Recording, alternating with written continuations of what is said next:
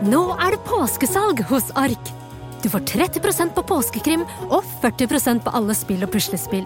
Jeg gjentar Ark har 30% på et stort utvalg krim og 40% på spill. Det er mye påske for pengene. Så hamstre påskekosen i nærmeste Ark-butikk eller på ark.no. Hei, kjære lytter. Jeg har en kjempenyhet. Vi lanserer Ut av skapet sin egen kleskolleksjon. I kolleksjonen Du kan komme ut til meg, har vi laget stilrent hverdagstøy med et lekent og inkluderende budskap. Målet med kolleksjonen er å inspirere og skape dialog, samtidig som du føler deg som en million kroner i høykvalitets hverdagsklær du kan bruke igjen og igjen. Sjekk ut Ut av skapet sin Instagram-konto for hele kolleksjonen med både hoodies, T-skjorter og morsomme munnbind.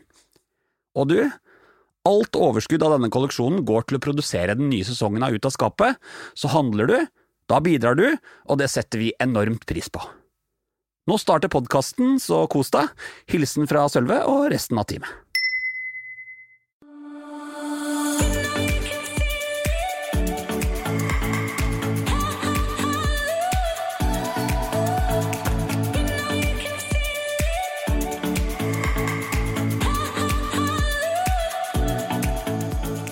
Hei, fine lytter av Ut av skapet. I dag treffer du Kjetil Lundstein i podkasten. Jeg ønsker å redusere liksom stigmaen rundt det å liksom utforske sin egen seksualitet. Fordi det er noe jeg også ønsker å ha muligheten til å gjøre. Nå er jeg utad og, og kanskje også innad identifisert meg som homofil eh, i ganske lang del av livet mitt. Eh, men, og det er ikke sikkert det kommer til å skje, men jeg vil jo ønske å ha muligheten til å kunne utforske mer av min, min legning og seksualitet etter hvert som livet mitt eh, forespiller seg. da. Kjetil var en av Norges første og største mannlige bloggere, og han har vært igjennom en reise. I denne episoden snakker vi om den reisen. Vi snakker om hvordan dette med flytende seksualitet påvirker oss, og ikke minst hvor viktig det er å utforske både det ene og det andre. Kos deg med episoden.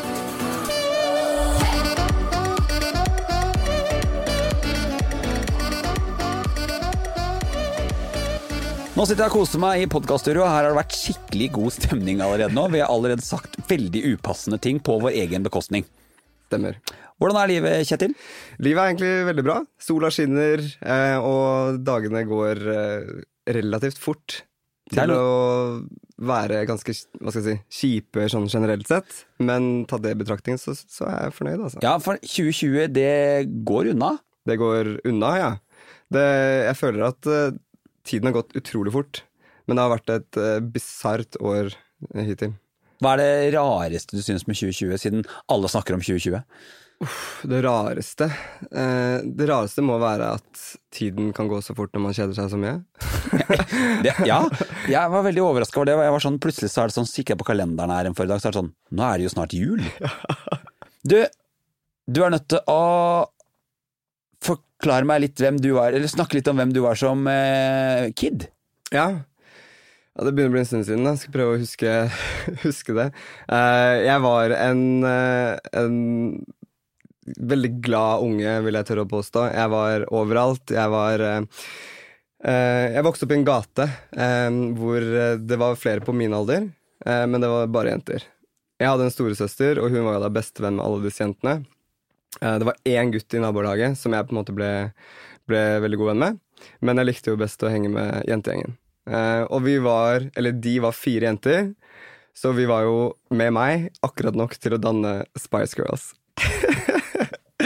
så det var jo på den tiden hvor eh, de var store. Hvem i Spice Girls var du? det kommer jeg til nå. Og kan, kan, kan du gjette hvem jeg var? Eh, For å si det sånn, da, så var jo Jeg trakk jo alltid det korteste strået. Jeg var jo en gutt, så jeg fikk jo ikke bestemme selv. Ja. Jeg fikk alltid det som var igjen.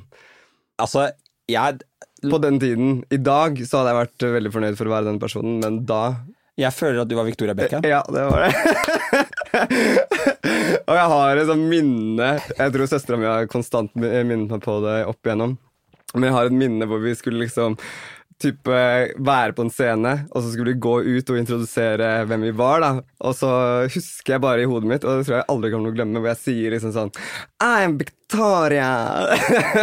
det, det er det jeg husker aller best. Jeg hadde jo verken kort eh, sort kjole eller høye svarte hæler, men eh, jeg hadde stemmen og, og hele feelingen på plass. da. Og du, trivdes i rollen? Trivdes veldig godt i rollen. Jeg husker jo, Um, jeg syns, jeg syns hun, hun Jeg tror kanskje at det var I og med at man var dratt litt mellom forskjellige verdener, så syns jeg hun var i hvert fall veldig flott å se på. Ja, ja, ja, definitivt. Dritsexy. Men jeg, jeg, jeg likte jo best uh, Ginger Spice, da. Jerry Halliwell. Ja, men jeg tror det var Jeg tror eh, Ja. Jeg vet ikke om det var det røde håret eller uh, hva det var, men uh, hun syns jeg var veldig interessant. Ja, altså jeg, jeg, jeg var veldig på, veldig på Melanie C. Okay, ja. Sporty Spice. Sporty Spice, og hun ga jo også ut liksom, Hun er jo den av de som kanskje har gjort litt låter etterpå som har gjort det litt ekstra bra. Ja. Så jeg, jeg har et sånn veldig nært forhold til I Turn To You med Melanie C. Husker du ja, den sangen? Altså Hvis den kommer på et utested nå, Da er du på bordet. Da er det selv om det er korona. Altså Da er jeg, da er jeg regelbryter. Da er det rett opp og snu seg og se på Om du folk. så blir kasta ut. Det er helt greit. Det er verdt det, liksom. Nei, så, så det har jo påvirket livet mitt. eh, det å på en måte vokse opp i en, eh, en gate med bare jenter, for så vidt. Um, og på den, på den tiden så tror jeg ikke verken jeg, mamma, pappa eller søstera mi var noe tenkte noe mer over det. De skjønte jo selvfølgelig at jeg ville være med dem, fordi det var ikke så mange andre å være med. Um, så var det en gutt i gata mi da, som jeg var, um, var mye med ellers. Vi gikk i klasse sammen på skolen og, og sånne ting. Men han var jo på en måte en fotballgutt. Han eh, likte å spille fotball veldig mye, og jeg ble jo naturlig nok revet med på fotballbanen, da. Eh, pappa var eh, assiste- assistenttrener.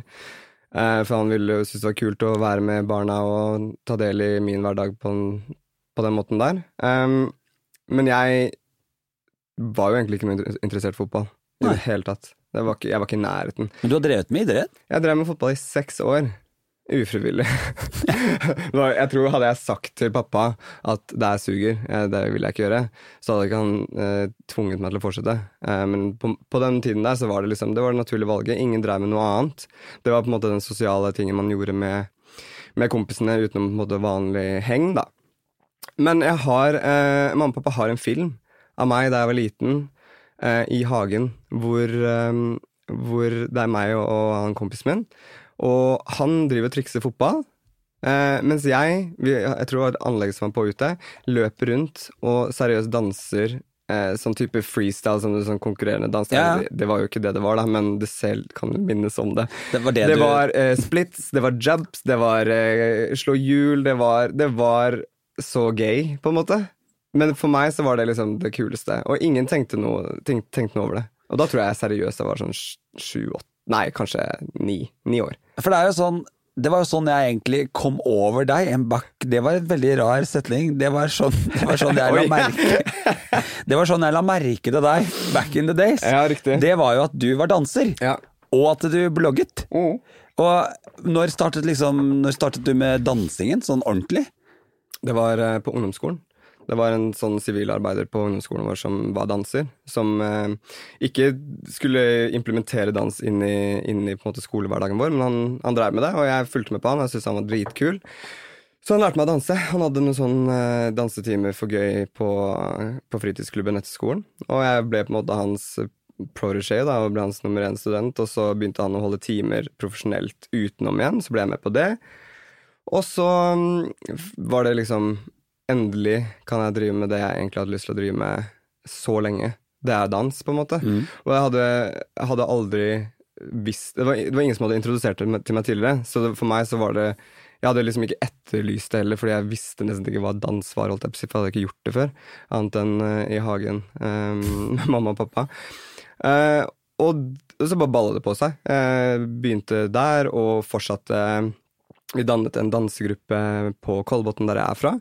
Og så eh, var jeg på audition på en dansegruppe i Oslo. eh, på noe som het Oslo Street Dance Studio for en stund tilbake. Og så ble jeg med i en dansegruppe der. Vi konkurrerte litt, vi gjorde shows. Eh, sto på et eller annet tidspunkt på scenen eh, og varma opp for Neo i Oslo Spektrum.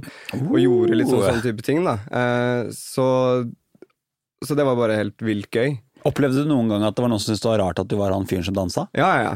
Eh, på ungdomsskolen til og med, allerede da. Men det, på det jeg, jeg tror det har vel, sier veldig mye om personligheten min, fordi det har aldri blitt med om. Nei. Jeg sto alltid i det. Jeg fikk jo selvfølgelig liksom homse-remarks allerede på ungdomsskolen av dansingen, men det kom samtidig som jeg fikk jævlig mye skryt. Ja, Og jeg tenkte sånn, okay, Fordi du var ganske god. fordi jeg var god til å være elleve år, eller hvor gammel man var på den tiden. Eh, Så jeg, det ga jeg blanke i, liksom. Men allerede på ungdomsskolen så fikk jeg liksom høre ganske mye at Eller spørsmål om er du homo, eller ble kalt homo. Men jeg kan ikke huske å liksom tatt meg nær av det. Tror du at du var litt sånn saved by talent? Jo, jo, men jeg fikk jo også høre det utenfor dansingen også. Og det, hva slags talent har jeg da? På en måte. Hvis du skjønner. Et eh, talent for being gay? Ja, altså, men jeg, jeg, på den tiden så var jeg ikke klar over det. Jeg husker altså, Jeg tror jeg var en av de første i klassen til å ha sex eh, på ungdomsskolen, liksom. Og, og Så det, det høres veldig teit ut, da, men det var, er jo lenge siden. Det var meg og en venninne som var på en måte i vennegjengen som var de første, eneste som hadde hatt sex på den tiden. Så vi satt liksom i trappa og bare diskuterte hvordan det var å ha sex. Mens alle de andre som ikke hadde sex, bare sto sånn og så på. Men du, altså, du har jo, du vet jo ungdomsskolen, hvis du, for å vinne respekt på ungdomsskolen, så har du sex. Ja. Da er du jo allerede langt der framme, uavhengig av hvor rar på utsiden du er, eller hva du gjør som de andre drikker. Har du pult, så, er du innafor. Og jeg tror litt derfor på en måte, folk kan kalle meg hva de vil, fordi jeg, jeg er trygg på meg selv. Jeg vet på en måte hva jeg liker, og jeg vet at på den tiden så var jeg liksom Nei, jeg er jo ikke homofil, for jeg er jo ikke sammen med gutter, jeg liker ikke gutter. Um, Det var en jente du hadde sex med? det var en jente jeg hadde sex med. Eh, Jeg hadde flere jentekjærester på den tiden, og det var liksom Det var aldri en sånn bare sånn Æsj, det her likte jeg ikke. Det var ikke tanken min i det hele tatt. Men når det er sagt, så kan jeg likevel den dag i dag huske tilbake til en eller annen bursdag i barnehagen til en kompis av meg hvor jeg så en sykt søt gutt. Men, ja, for Klarer du liksom å huske første gangen du på, kjente på litt sånn annerledeshet? Skjønner du hva jeg mener Ja, Ja, ja men det er, så, det er litt pussig, for jeg har aldri sett på det som annerledeshet. Jeg har alltid bare kjent på liksom følelser jeg, Det er sånn enkelte gutter som bare har på en måte gjort meg varm, holdt jeg på å si, eh, på, som barn og ung, da. Hvor eh, jeg bare får en følelse i kroppen når jeg ser han eller, eh, eller tenker på han. Men uten å liksom gå til han og spørre om ting, eller Har sjans? bare- Ja, eller har sjans, men det var jo ikke det. det for meg så var det Jeg vet ikke. Jeg, jeg tror ikke jeg tenkte på det tidspunktet at jeg er homofil. Men eh, fordi Jeg vet ikke, det var bare sånn Det var gode følelser. Hvorfor skal jeg liksom kjenne på en skam fordi jeg har gode følelser over ting? Nei, Jeg altså, skjønte jo på en ja, måte at uh, At uh, det kunne på en måte uh, ses på med, eller oppfattes som noe annerledes. Men jeg hadde jo ikke tenkt å praktisere det, fordi så sterke var det ikke. Men hadde du noen forbilder på den tiden, da? Altså Noen skeive forbilder? Nei, jeg, nei det- jeg, det ikke, jeg tror ikke jeg visste hva det var engang, for å være helt ærlig. Det var jo, altså de, de man hadde fått med seg, var på en måte de åpenbare på TV, i norsk TV, liksom. Jeg vet ikke hvem det var på den tiden, jeg, om det var Per Sundnes eller Simon i Syv søstre? Ja, ja, mulig. Ja, ikke sant? Og, og, og det er jo ikke liksom nok til at det skal være forbilder bare fordi det eksisterer, på en Nei. måte. Eh, det må jo være forbilder som du aspirerer til, eller, eller som, som du ser opp til og får deg til å føle deg bra, eller ja. Inspirerer til handling, da. I, altså, du var jo en del av dansemiljøet. Mm. Traff du skeive Nei, det var jo bare jenter. Ja. Så det har jo egentlig vært en sånn fellesnevner egentlig i oppveksten min, er jo på en måte jenter. Jeg kommer sykt godt overens med jentene. Men så har jeg på en måte følt at jeg har hatt litt draget på de også, for å være helt ærlig. Jeg var jo Hvis jeg Hvis det var en søt jente i en eller annen ny gjeng vi møtte, og jeg ikke hadde sjans på den jenta, så ble jeg jævlig sur, liksom. Ble du sur? Ja, ja, da ble jeg sur, fordi jeg kaller meg cocky på den tiden, men da følte jeg liksom at jeg i utgangspunktet kunne velge å vrake da. Så jeg var jo liksom der, der da. Jeg husker det var en gang jeg, det var en ny jente som begynte på skolen vår.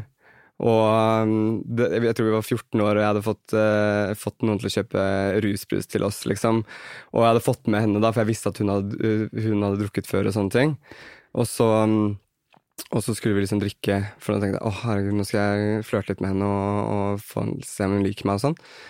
Og så mens vi drakk og koste oss, det var noen andre der òg, så fortalte hun liksom åpenlyst hvem hun var forelska i, da. Og det var jo ikke meg. Og da ble jeg sånn dritsur, og da gadd jeg ikke prate mer med henne. That bitch. Ja, that bitch. Tror, du det, tror du vi gutter som er vokst opp med mye jenter rundt oss, kan få eh, litt i overkant eh, stor selvtillit noen ganger? Definitivt. Men eh, For jenter har jo en tendens til å heie opp vi guttene som er med de. Mm, ja, ja. De hauser oss jo veldig opp. Mm. Og, og man er jo unik i gjengen fordi man er den eneste gutten. Man kan jo ikke, Og så skal man prøve å matche personlighet og, og sånn med dem. Føle seg litt alfa han, men samtidig være en del av jentene. Da. Og det gir jo en type selvtillit som, som sikkert er litt annerledes enn en uh, heterofil fyr med masse kompiser. Ja, og så får man jo også en viss sånn standing ovenfor de andre gutta. mm. Det opplevde i hvert fall jeg, for jeg hadde Altså, jeg ble egentlig reddet gjennom ungdomsskolen av at jeg hadde Jeg var god kompis med mange av de kule jentene, og det gjorde også at jeg slapp billig unna med de guttene som Ja, og ikke det, likte meg. det kjenner jeg veldig godt igjen i. Jeg var jo alt, Om ikke jeg hadde draget på den kuleste jenta, så var jeg i hvert fall superclose med den personen. Eh, Så jeg har jo på en måte alltid vært i, vært i de opp frem til eh, voksen alder, da, vært i de vennegjengene som på en måte var, var noe. Ja, ja. Det, det høres så jævlig kleint ut å si, men, Ja, men dette er jo en det tid da Det var jo sånn det var å vokse opp. å si. Husker vi hadde sånn Det er helt sykt å si det, men jeg fikk lov til å sånn Jeg husker at vi hadde sånn greie da vi satt sammen, jeg satt sammen med jentene, og så fikk jeg lov til å kjenne på puppene deres. Skjønner du? Ja, jeg har sikkert gjort det samme Ja, selv. ja, ja, men det var sånn, det var sånn jeg vet ikke hvor gammel jeg var, 14-15, og fikk lov til å kjenne på puppene deres, liksom under, og da var det sånn stroppesinglet. Ja. Jeg, jeg kommer aldri til å glemme det, det var sånn, og, og det var selvfølgelig noe jeg fikk sagt så fort som mulig til de andre gutta når jeg kom tilbake på skolen. Ja, i går så var jeg med jentene, og jeg fikk kjenne på puppene deres. Ja. Det var jo sånn overraskende, ikke så veldig opptatt av det rent seksuelt, men jeg er jævlig stolt av det for å kunne si ja, det. det er creds til deg. Herregud, altså, jeg var jo jeg, helt, jeg vet ikke om det er sånn Jeg, jeg skal ikke snakke om det, men er metoo-a liksom allerede for egen vinning en, gang- en alder av 14 år. Jeg regner med at det var consensual. Ja, det var, ikke, det var ikke sånn at jeg spurte om å få lov til Eller jeg spurte ikke om å få lov til å ta på det, det var deres forslag, men det var, sånn, men det var så sykt å liksom ha det som en sånn Øy, gutta. Går kjente jeg på en pupp. Men når det var første gang du kanskje begynte å tenke at hm, jeg er skeiv? Jeg tror jeg begynte å titte litt på internett og sånn, da. Eh, og da begynte jeg liksom jeg, Det var jo der utforskingen skjedde. Men igjen så var det sånn Jeg var like redd for at mamma og pappa skulle se søkehistorikken min, om det var eh, heterofilt jeg hadde søkt på, eller homofilt. Det var liksom, jeg, det, jeg kan ikke huske at det har vært en type bekymring, akkurat det. Um, og, og da begynte jeg liksom å utforske, men da var det var liksom begge deler. Hele veien var liksom sånn, ja, litt av det og litt av det. Det var, det var ikke sånn at enten eller. Og det var ikke sånn at så fort jeg hadde begynt å like det, så tenkte jeg sånn, å, men da liker jeg ikke det. Det, det var aldri, aldri tema på en måte i hodet mitt. Eh, så selv om jeg på en måte kjente på disse følelsene og begynte å liksom skjønne at jeg ble tiltrukket av det ene og det andre, så, så ble jeg ikke stressa for at jeg var eh, homofil, da. Um, og jeg ville fortsatt eh, bli kjent med nye jenter, jeg vil fortsatt date jenter, jeg vil fortsatt ha jentekjæreste og sånne ting. Og så tror jeg det begynner på ungdomsskolen, så begynner jeg å holde på med ei jente. Og så blir det slutt mellom oss. Og så eh, får Men hun viser seg å være helt spinnvill, da. Sjuk i huet. Um, og um, så begynner hun å eh, bli sammen med en ny fyr, Mhm. som uh, Og da tenker jeg sånn Shit, han må også være sjuk i huet som fortsatt er sammen med henne. Eller som jeg i hvert fall reach out og fortelle han hva er det du driver med. Liksom, hun er sjuk i huet. Um, og så begynte vi å prate, og, og da begynte jeg liksom å skjønne at ok, nå kan det kanskje være noe her.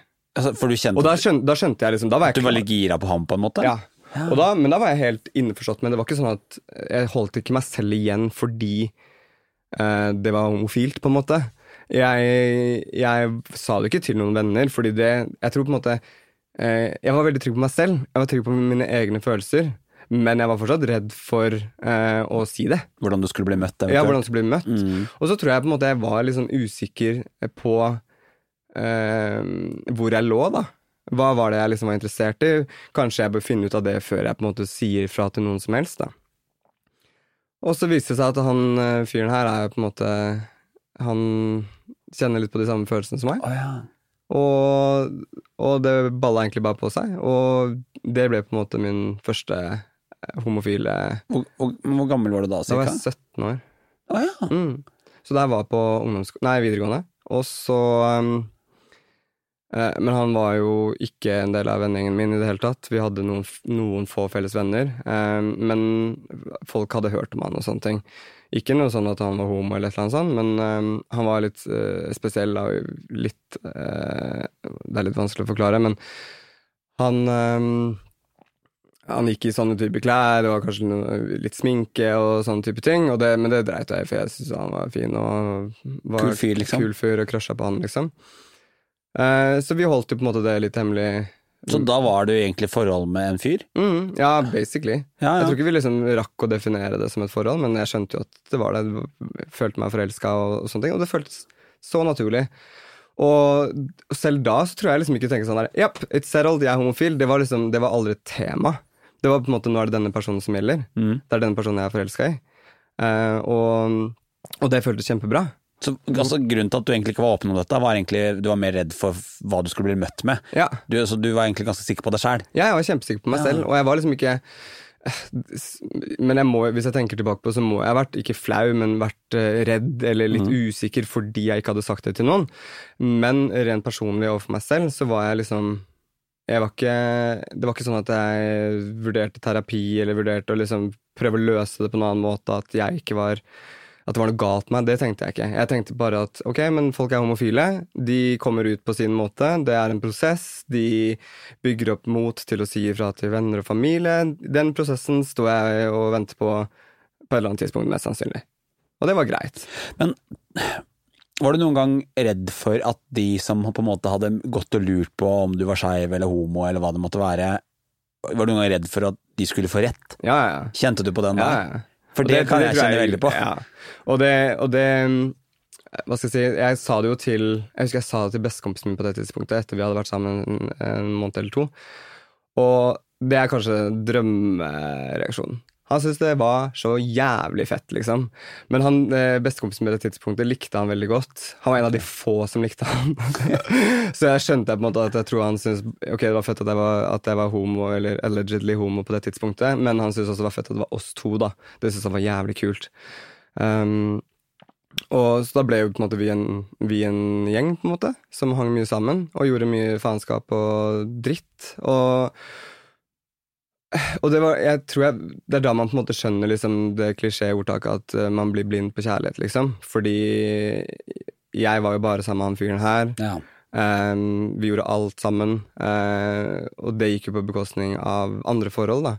Og det var jo ikke sånn at vi var ute og spilte fotball eller uh, gikk tur i skogen eller reiste på fjellet. Det var liksom festing, det var uh, Vi går ut på natta og sniker oss ut, og vi gjør liksom også sånne, sånne rebelske ting, da. Ja, ja. Og alle har sikkert vært gjennom en sånn periode i livet, men, men jeg begynte på en måte å merke at dette er kanskje ikke en person jeg liksom identifiserer meg så mye med. Altså den personen jeg begynte å bli selv, da. Eh, færre av vennene mine snakket med meg, jeg var færre med vennene mine, jeg skulka skolen hele tiden. Um, og mamma og pappa begynte å legge merke til det her, og de skjønte jo på en måte at dette var av den personen. Mm. Og det kom et tidspunkt hvor mamma kom inn på soverommet mitt, tror jeg det var, og bare nærmest bønnfalt meg om å slutte å være med denne, denne fyren. For det var ikke et sunt forhold for Det for var deg ikke et sunt forhold. Og da visste hun ikke at Da vi trodde hun bare at vi var venner. Um, og det var liksom Jeg tror det var første gang jeg på en måte hadde lyst til å avslutte ting med han. Og, men så turte jeg ikke. Um, Men er det ikke litt sånn altså, så, Dette var kanskje din første litt sånn store forelskelsessak. Ja. Er det ikke litt sånn det er? At man blir litt altså, Love is blind. Du blir helt sånn fucka i huet. Og, eh, og så har jeg alltid sagt, jeg har vært så opptatt av å si det, ja, det er sånn type ungdomsforelskelse, men man blir jo litt fucka i huet som voksen òg. Ja, ja. Men jeg tror altså, det er derfor jeg satte pris på en, altså, en eh, litt sånn eh, spesiell førsteopplevelse også. Fordi eh, man lærer jo av det. Man blir litt sånn sånn ok, what not to do, på en måte. Og det var jo et eh, Det viste seg å være et veldig usunt forhold på mange plan. Han ble abusive både fysisk og psykisk, og og det har jeg jo ikke sagt til uh, mamma og pappa engang, holdt jeg på å si. Men uh, det var en Det var mange tegn som jeg ikke så, og så kom det Var det en dag det til slutt rant over for han, tror jeg. Mm. Hvor han kom hjem til meg, da var jeg alene hjemme, og han var dritsur.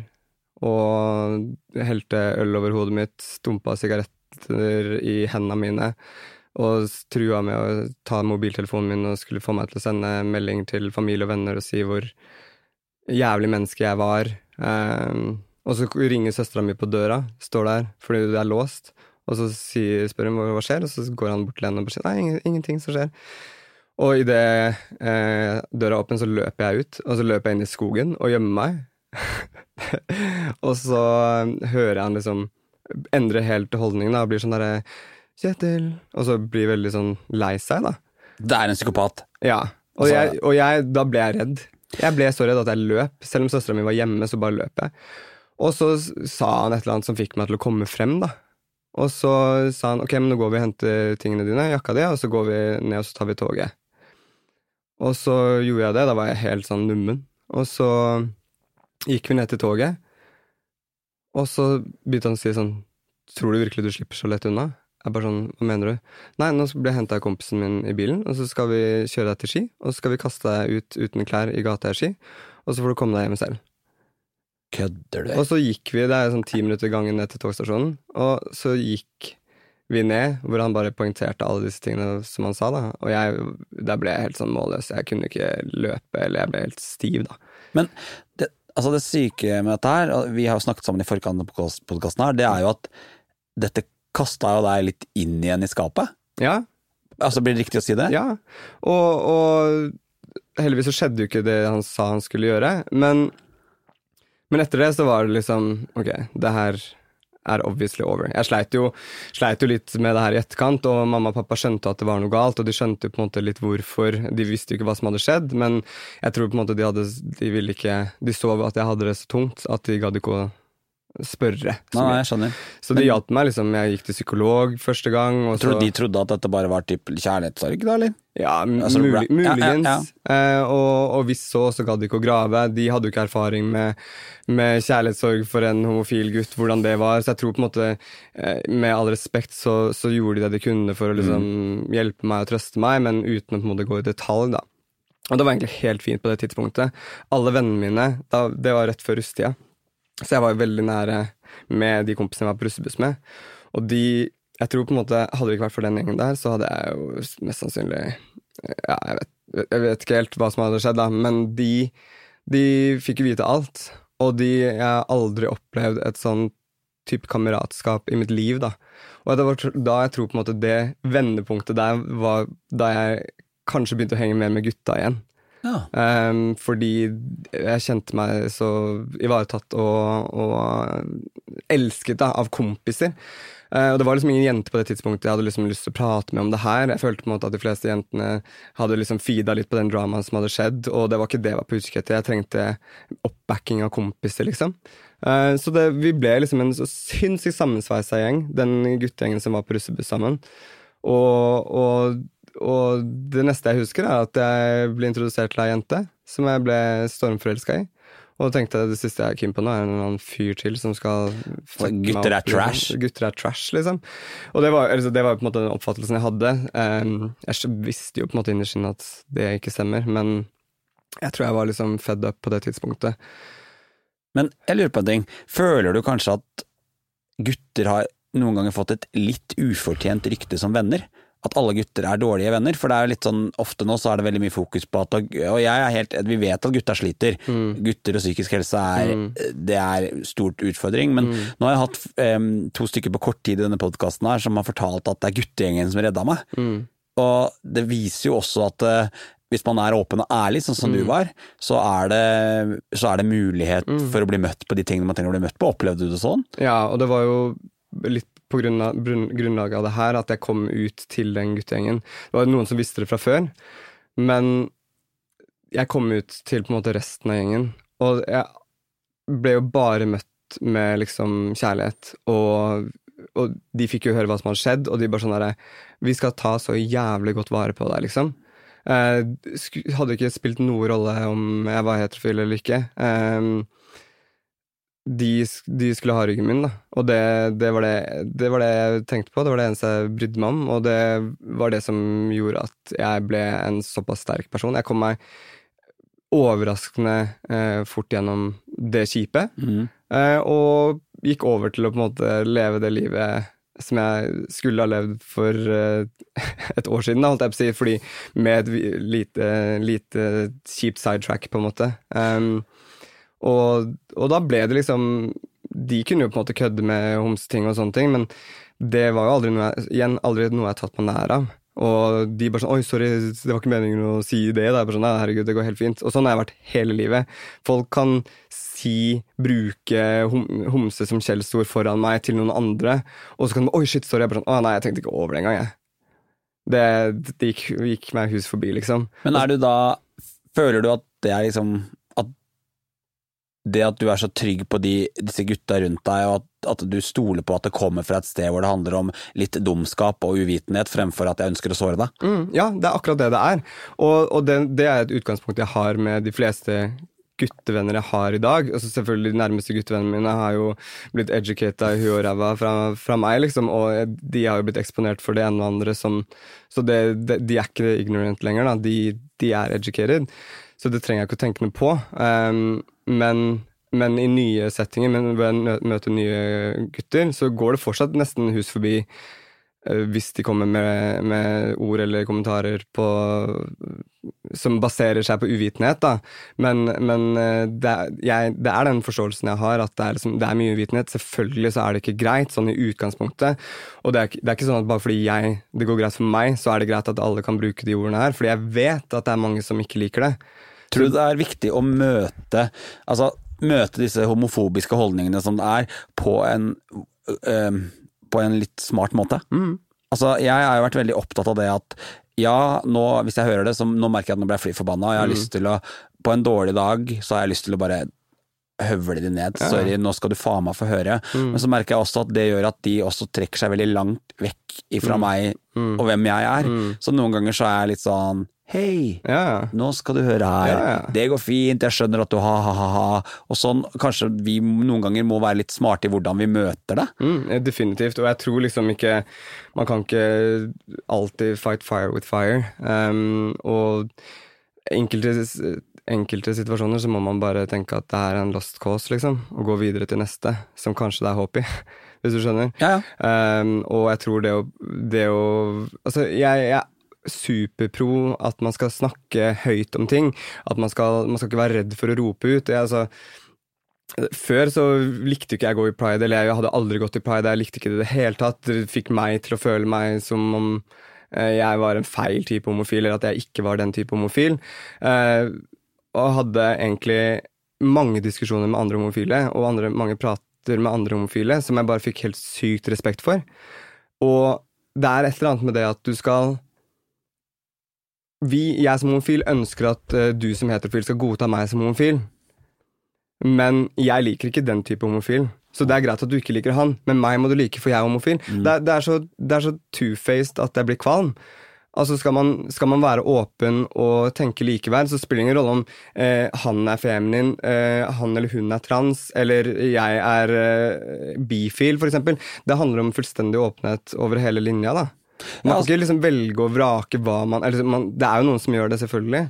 Men for meg så handler det bare om at du, hvis, du skal, hvis jeg skal ha din respekt som homofil, mm.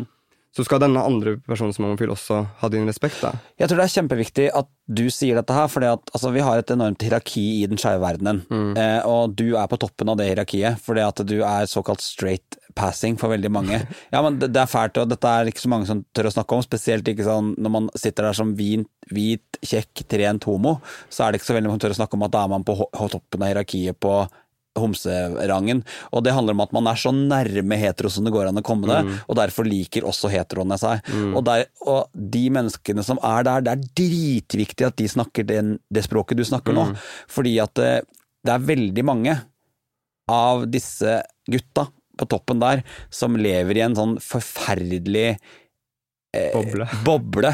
som ikke skjønner hvor fuckings privilegerte de er. Mm. Og I tillegg så er de jævlig heldige fordi at alle hva skal man si, jentene heier på dem fordi de er homo og straight passing. Mm. Eh, og Jeg tror det er så viktig å være liksom rollen sin bevisst hvis du er straight passing, og tørre å løfte opp de som også er eh, Det er fælt å si det, men lenger ned. Mm. Og jeg elsker bare, altså bare sånn, Det som har blitt på en måte min sånn nye greie nå, er jo hele, eh, hele, altså hele transdebatten, mm. som jeg bare har stått helt utafor. Jeg har ikke vært en del av det i hele tatt. Jeg har egentlig ikke skjønt hva er det Jeg har ikke vært noe opptatt av å finne ut av hvordan de liker å bli Altså hvordan transpersoner vil bli omtalt. Jeg har bare vært litt sånn Det der er ikke meg i det hele tatt. For jeg har mm. plutselig vært litt sånn Vet du hva jeg som basic white straight eh, Nei, basic white gayboy kan gjøre hvis jeg begynner å snakke transdebatt, så vil jeg gjøre enormt mye for de å løfte de opp. da. Og det er jævlig viktig at vi i det skeive miljøet er åpne og inkluderer og heier på hverandre. Mm, I hvert fall de som har mulighet til å ha en stemme. Og det er jo, altså Jeg kom jo ut av skapet til de fleste venner og familie i en alder av 18 år. 19 år. Eh, jeg drev jo en blogg på den tiden i tillegg. Eh, og, og jeg kom i utgangspunktet ut som bifil, for jeg var jo både med jenter og gutter som fram og tilbake. Og det var jo Hun ene kjæresten min på det tidspunktet kom jeg ut til som bifil, til og med. Og hun sa sånn det spiller ingen rolle så lenge det er meg du elsker. Så, og det var jo tilfellet. Og så jeg var liksom Så jeg skrev jo på bloggen at jeg hadde kjæreste, og, og hvem hun var, og la ut bilder sammen og sånne ting. Og det var jo ukentlig kommentarer med at bare sånn Haha, hvem, hvem er det du later som at du er? Du er jo homofil. Jeg bare sånn, jeg er ikke det. Og jeg tror jeg spesifikt inni hodet mitt sa jeg har aldri eh, skrevet på noe sted at jeg er heterofil. Nei. Men jeg, eh, men jeg tror jeg har skrevet at jeg er ikke homofil. Og det var liksom en sånn bevisst ting jeg gjorde fordi jeg, På det tidspunktet så identifiserte jeg meg ikke som homofil, men jeg, men jeg var ikke heterofil. Hvis Nei, du skjønner? jeg skjønner så jeg kom jo unna med det. da Jeg hadde liksom gitt meg selv et smutthull. på en måte Hvis jeg skulle komme ut på et eller annet tidspunkt. Så bare sånn Ja, det var det jeg sa. Jeg har aldri sagt at, eh, at eh, jeg ikke er uh, skeiv, men jeg har bare sagt at jeg ikke er homofil. For det, på, tids, på det tidspunktet var jeg ikke det. Og det du er inne på nå, er jo dette her med litt sånn eh, flytende seksualitet, legning, hele den pakka der. Og jeg syns du, eh, du sa det så fint at det er sånn Akkurat nå så kjenner jeg meg mest homo, men jeg er også litt grann bi. Men når vi snakket sammen i forkant av den podkasten her, så sa du også at du kunne kjenne på litt skam over at du fortsatt hadde en dragning mot jenter. Mm. Og det er, men det, det er på en måte kun med meg selv, eh, på en måte, fordi det som er kjipt, da, som sikkert er, er diskusjoner som har oppstått på Mangen, vors og, og nach osv., og, og det er jo at uh, jenter kan gjøre kan komme unna med å, å flørte med andre jenter, eller ligge med andre jenter, eller kline med andre jenter, og så kan de gå tilbake til sitt eh, heteronormative liv og, og late som ingenting har skjedd. Homofile, nei, heterofile menn har ikke den samme muligheten, for å si det sånn. De har jo egentlig det, men det er blitt en sånn, det er sånn type sosial norm eller konstruksjon som, som, på, eh, som sier at det kan du ikke gjøre. Har du tatt det steget, så er det no turning back. Da er du homo. Og da er det ingen jenter som vil ta på deg eller ta i deg, og du blir eh, kastet ut av kompisgjengen osv. Men og sånn har, det, sånn har jeg oppfattet det hele veien frem til den dag i dag. Da. Og jeg opplever det fortsatt veldig hos mange andre, hos mange andre gutter. Men jeg syns det er en morsom diskusjon å ha. Og jeg har ikke noe mot å diskutere det med heterofile gutter, og det er overraskende mange heterofile, eller gutter som identifiserer, identifiserer seg som heterofile, som har lyst til å snakke om det her. Og jeg mener at det er et tegn på nysgjerrighet, da. Ja, og jeg altså- mener å snakke om det her, skape mer åpenhet for at man skal kunne gjøre akkurat det man vil.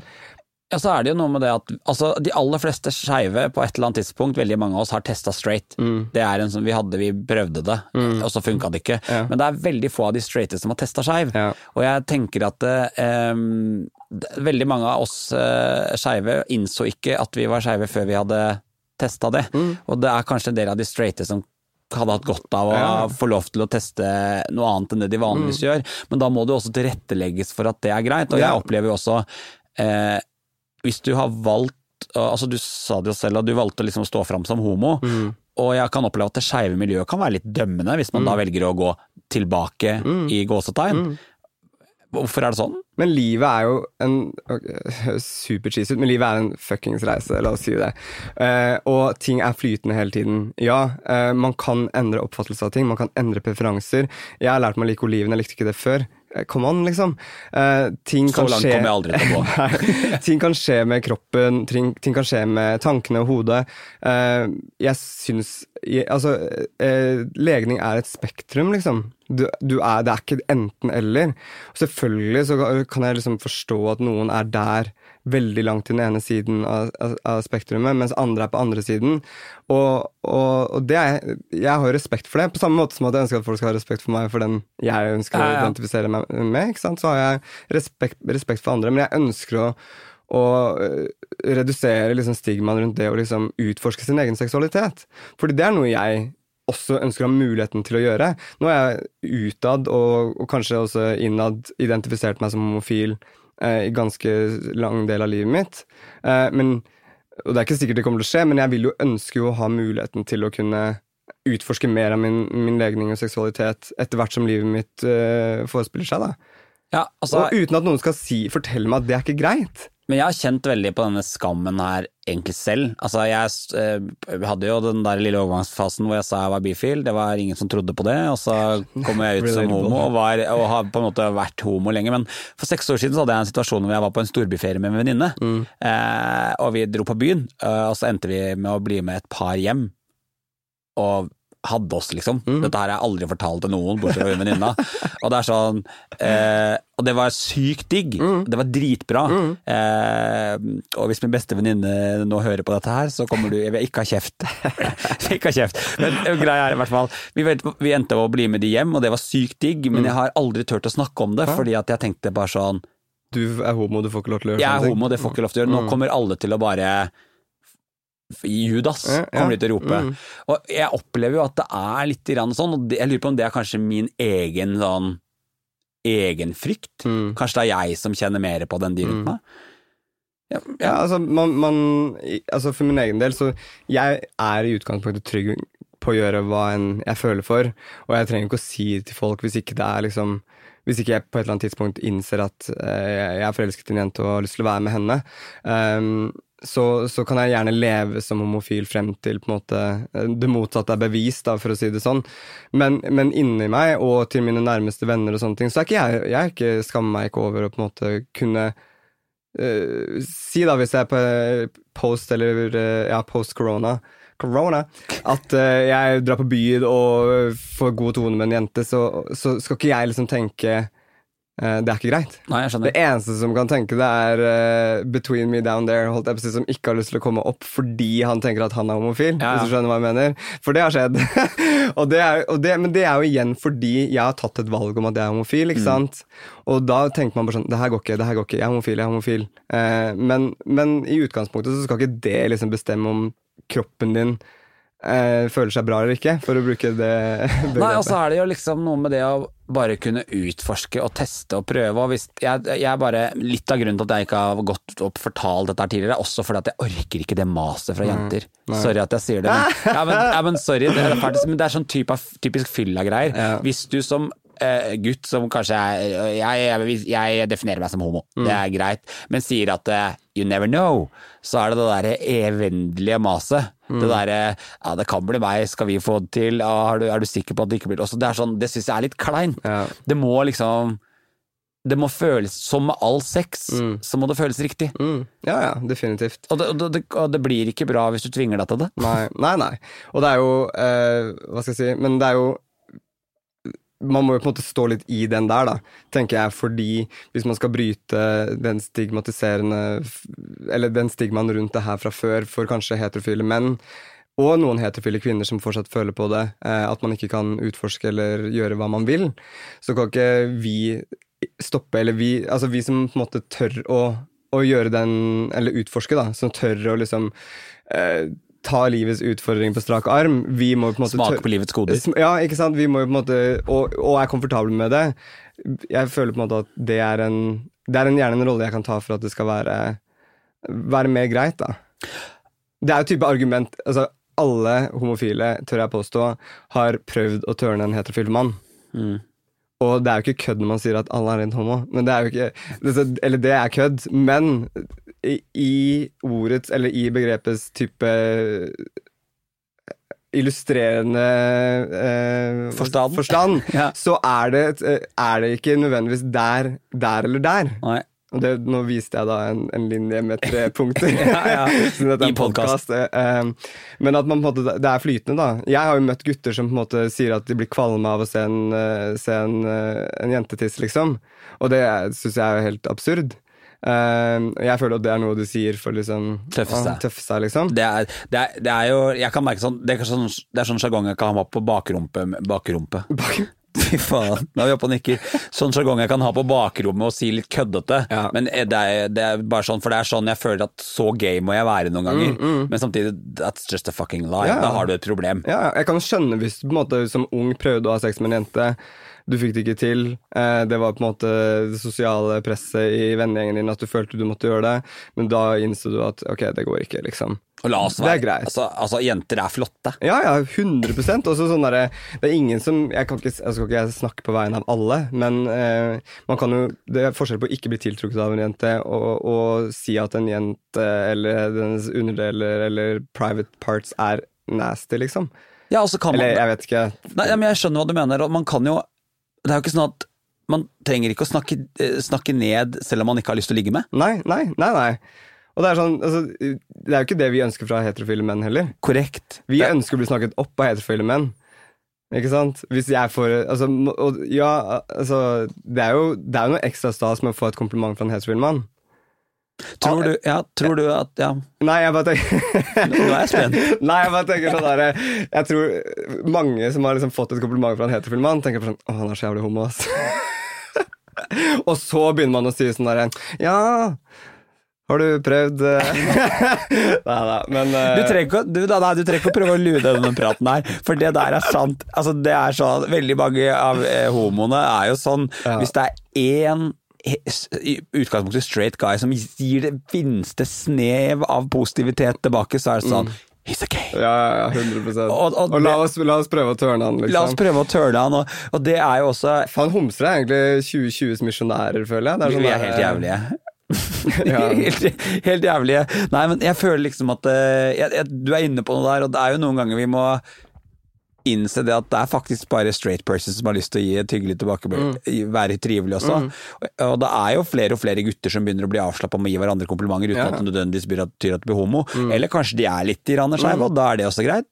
Så er det også viktig å forstå at selv om en person er bitte litt skeiv og gir deg et kompliment, så er det ikke sikkert de vil ligge med deg. Nei, nei det, og det, det, det får man jo erfare the hard way, holdt jeg på å si. Hvis man skal tørre å skal si, flørte med den personen, og så Jeg tror faktisk det har skjedd med meg en gang. At jeg har møtt en fyr som var litt litt skeiv, men ikke liksom utad. Og så har jeg liksom plukket opp liksom signalene. Og så har jeg bare innsett, tenkt til slutt at bare sånn Nei, han er ikke skeiv. Og så har han funnet seg noen andre etterpå. Og Det er nedtur. Ja, det er nedtur. Det er nedtur når du har tenkt og håpa og prøvd litt, grann, Ja. så prøver du å Du har gjort alt det hard work, da. Du har fått han litt ut, og så går han til noen andre. Og det, men det, sånn er det jo. Sånn er det jo med dating og Sånn er det for de straighte òg. Ja, det er det. Altså, tenk på alle de gutta som eh, jobber med damer og prøver å få det i backer, så plutselig så er hun sammen med en annen. Ja. Så jeg tror kanskje vi har godt av å kjenne litt Ja, på tror nå, jeg altså. Åh, Det skal ikke være for lett. Du, for en fantastisk deilig prat. Nå følte jeg det ble en sånn god prat om eh, eh, om alle de deilige tingene ved, ved livet. Og jeg syns også det er veldig fint at du oppsummerer Jeg liker det at dette med konseptet med at seksualitet og legning og alle de, hvem vi er, er flytende. Vi er flytende personer. Jeg tror det er i enkelte ting, ting så er bokser viktig, fordi at man trenger på en måte et Spesielt de som ikke klarer å ha, relatere til vår verden i det hele tatt. De trenger noen ganger noen sånne knagger å henge ting på. Og det Eh, er helt greit. Og hadde vi ikke hatt de knaggene, så hadde vi sikkert stått kanskje litt mer stille. Vi hadde ikke hatt Eller en hvis man- rettighet uten Nei, de. Ja, det er akkurat det. det er, så, så, så sånn sett så er det viktig, og det er derfor det er viktig med de superflamboyante homsene, eller de superbutche lesbene. Mm. Det er de som på en måte hva skal man si, viser at vi fins, og så er det vi alle andre som kan liksom kose oss med desserten etterpå. Mm. Men jeg bare, jeg, jeg tror det vil gjøre det med den generasjonen som kommer nå, Mm. så tror jeg det å være mer åpen om at det er lov å flyte litt, vil gjøre at flere tør å eksperimentere, og vil få flere deilige opplevelser. Mm. Og det er viktig. Jeg tenker, altså, Man blir glad av det. Man blir glad av å være sann mot, mot seg selv, da, og ikke liksom set, gi seg selv begrensninger fordi en eller annen person eller et eller annet samfunn sier at det ikke er greit. Selvfølgelig, det er jo eh, lover og regler i verden, men, men eh, det er ingenting som skal stoppe deg fra å, å være den du er, da. Og, og det gjelder på så mange måter. Du skal få lov til å velge helt selv. Eh, Det er ingen som skal fortelle deg hvem du skal være. Eh, og, og sånn ønsker jeg på en måte å oppfatte meg selv. Og jeg føler at jeg også har en plattform hvor jeg kan Mm. prøve å preache den, det budskapet litt. da. Uh, og det gjør jeg så godt jeg kan. Um, så jeg vil bare egentlig si at jeg syns det er dødskult at jeg blir invitert hit og får lov til å snakke med deg om disse tingene. For det, jeg syns det er dødsviktig. Og jeg er jo helt åpen for at folk kan ha forskjellige meninger. Og jeg elsker å på en måte snakke med folk som har ulike erfaringer og oppfatninger om livet, om seksualitet, legning, sex. Altså alle disse tingene. Um, så jeg syns det er supert at du har startet en podkast som det her.